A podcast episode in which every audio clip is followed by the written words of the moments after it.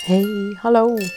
Welkom bij de Contact bij Dementie podcast. Ik ben Lida Zegel en met deze podcast wil ik je inspireren om beter, misschien wel anders, in contact te komen met mensen met dementie.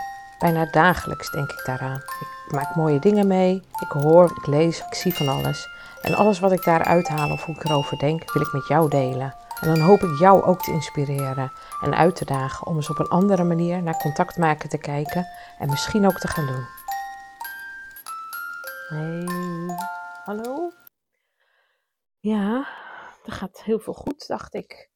En dat is misschien ook wel eens een leuk idee om dat eens te gaan vertellen.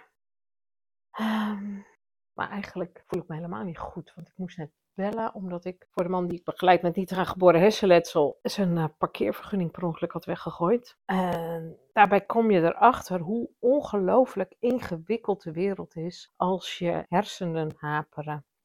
Als je altijd alles kon doen en je kan ineens lukt het niet meer, dan is het zo gecompliceerd dat je een mailtje krijgt dat je iets moet doen. En als je alleen maar een telefoontje hebt waar je op werkt, dat zijn gewoon computers tegenwoordig. Alleen als daar net niet op werkt dat je iets kunt verlengen, dan is dat super lastig.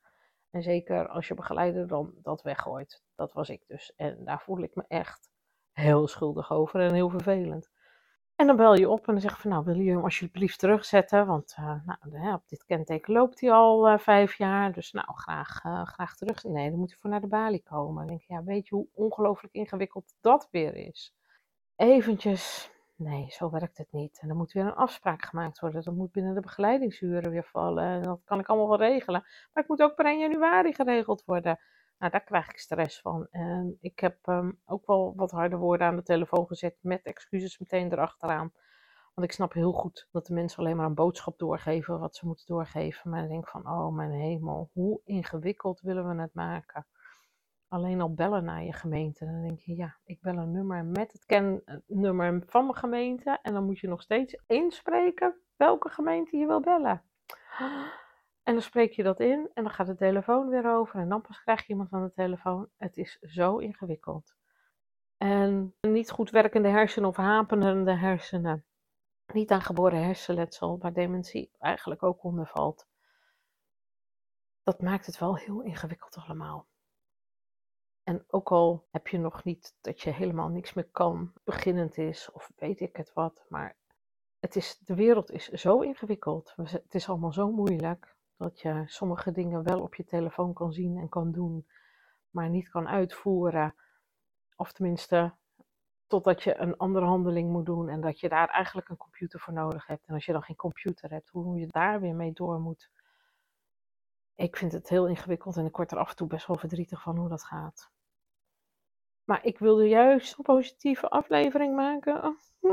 Dan begin ik zo, omdat ik mijn eigen stress nog meeneem. Dus wat ik moet doen is schakelen, het achter me laten en even denken: oké, wat wou ik nou vertellen? Want er gaat wel heel veel goed. Nou, even diep ademhalen.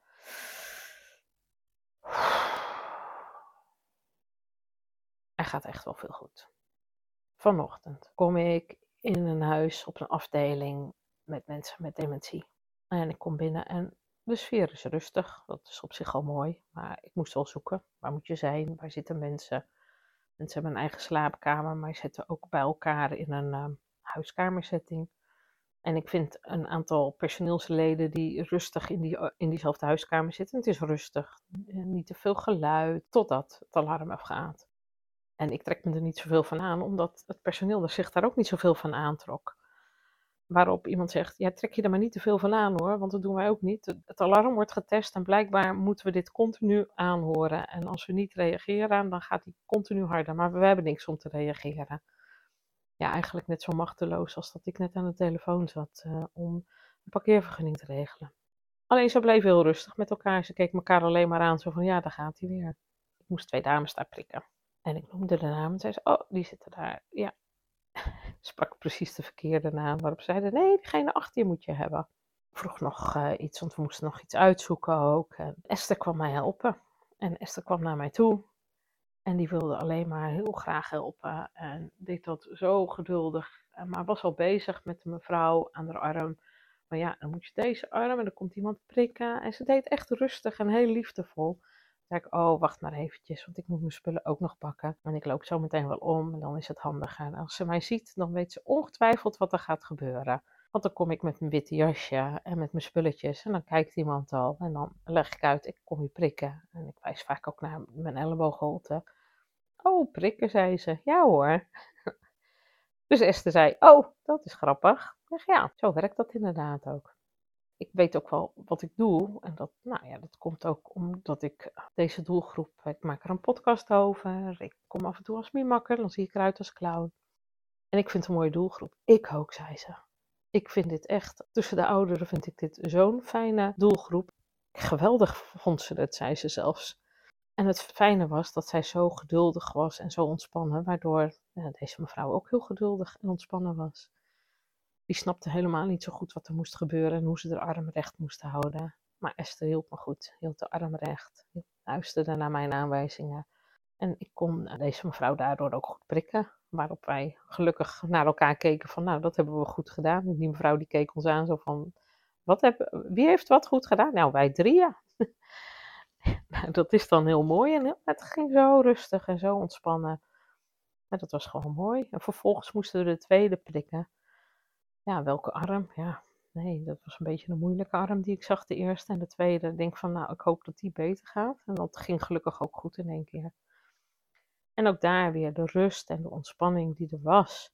Zowel van het personeel, ondanks dat daar ook weer even het alarm ineens weer afging. Maar doordat wij geduldig en ontspannen bleven, was er eigenlijk die hele sfeer daar ook zo. En dat is zo fijn om mee te maken.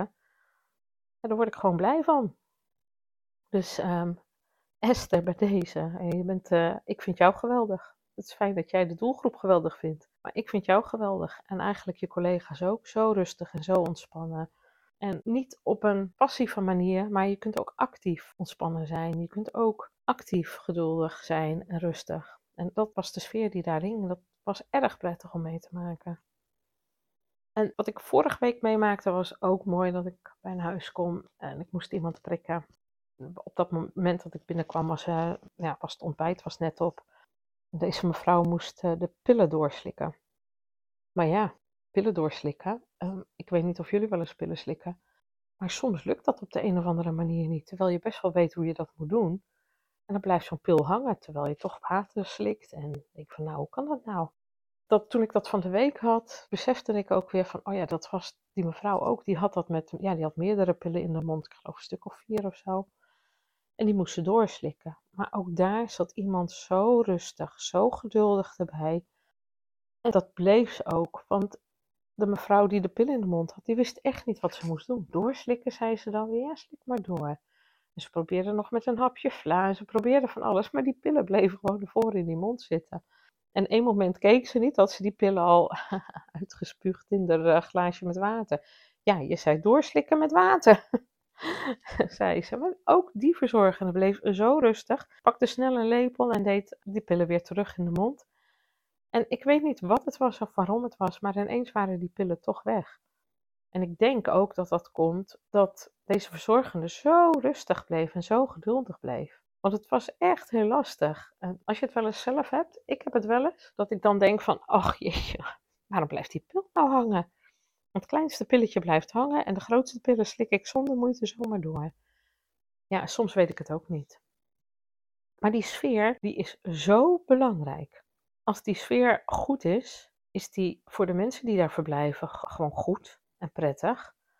Maar zeker ook voor het personeel. Want als de sfeer gespannen is, haastig is, geïrriteerd, stresserig, dan draag je dat ook over op de mensen om je heen. En dan zullen de mensen die daar verblijven, of je ze nou bewoners noemt of cliënten, die zullen daar dan ook last van hebben. En die gaan daarop reageren. En dan ben je wat prikkelbaarder en, of sneller geïrriteerd. En dan kun je dat ook niet zo goed hebben. Dat maakt het allemaal best lastig. En als je daarvan bewust bent, dan is het de kunst om dus te schakelen. Om even te zuchten en even te denken van nee, wacht even. Eigenlijk zoals ik in het begin had. Ja, ik ben gewoon zo gestrest en geïrriteerd en, en van alles wat er was. Maar dat wil ik niet. Want daar hebben we alleen maar last van. Daar hebben jullie last van als je naar een podcast van me luistert. Maar daar zou je ook last van hebben als je bij mij in de omgeving was. Dus dat is kunst om dan Bij mij helpt het om even goed te zuchten en even te denken: oké, en om en weg. Maar dan moet het niet te ver zitten al, want op het moment dat het echt heel erg hoog zit uh, en je bent te lang of te ver doorgegaan, dan wordt het steeds moeilijker. Dat zul je waarschijnlijk wel herkennen.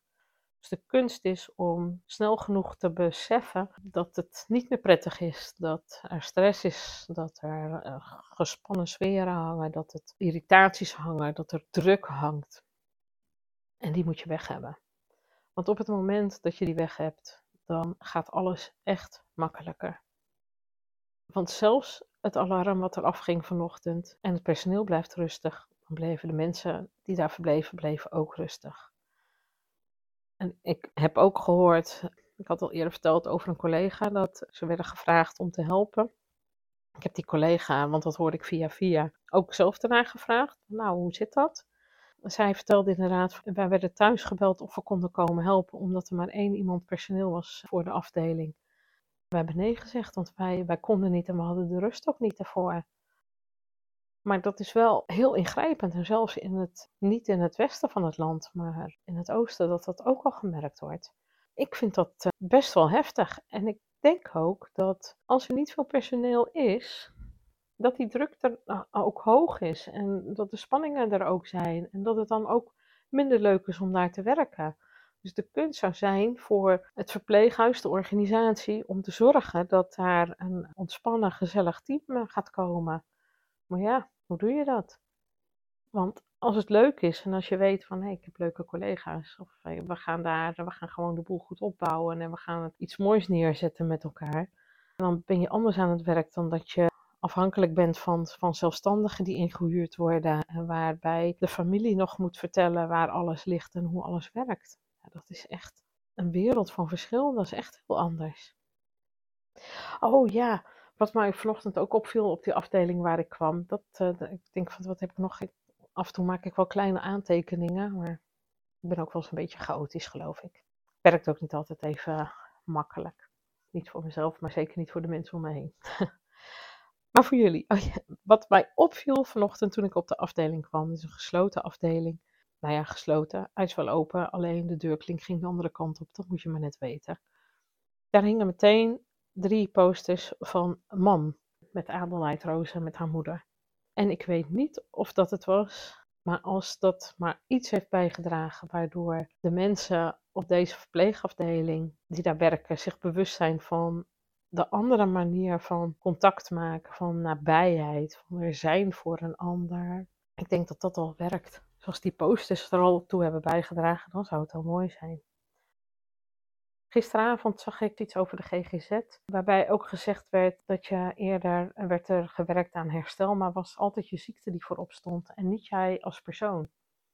En dat je als persoon, dat het zo belangrijk is dat je gezien wordt en dat er gewoon vriendelijk tegen je gesproken wordt, vriendelijk gedag wordt gezegd. Dat is een van de dingen die ik altijd ook het meest belangrijke vind in het werk en volgens mij deel ik dat met jullie ook altijd wel. Wat is er mis mee om goedemorgen te zeggen als je ergens binnenkomt? En vanochtend gebeurde dat ook bij een, het is geen woonzorgcentrum, er zijn allemaal servicewoningen geloof ik bij elkaar, waar ik liep en er stond een deur open en ik kwam net de trap op en ik keek die deur binnen. Dus ik zei goedemorgen, dus er werd ook goedemorgen teruggeroepen. En ook, oh, ga de deur wel even dicht doen. Ja, het maakt mij niet uit, maar ik denk, ja, ik kan in ieder geval goedemorgen roepen. En twee deuren verder ging iemand net naar binnen en die keek om zeg ja, de deur stond open, dus ik dacht, ik kan net zo goed goedemorgen zeggen. Oh, je ook goedemorgen. en toen keek ze me aan. Ja, precies, zegt ze. Dat kost toch niet zoveel moeite?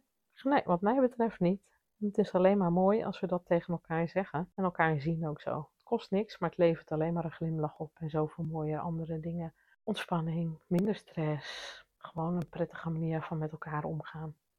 En dat is het ook. Dat is gewoon super belangrijk. Dat hebben we allemaal nodig waar zag ik het nog meer gisteren? Oh ja, bij de gebarencursus. Waar ook gezegd werd: Het is zo fijn als je alleen nog goedemorgen kan zeggen tegen iemand. Maar hoe mooi zal het zijn als je ook nog een klein gesprekje erachteraan kan doen. Dus ik heb me weer opgegeven voor die cursus om ook gebaren te kunnen. En die gebaren gebruik ik vervolgens ook weer ondersteunend. In het contact met iemand met niet aangeboren hersenletsel, maar ook in het contact met andere haperende breinen, zoals bij mensen met dementie.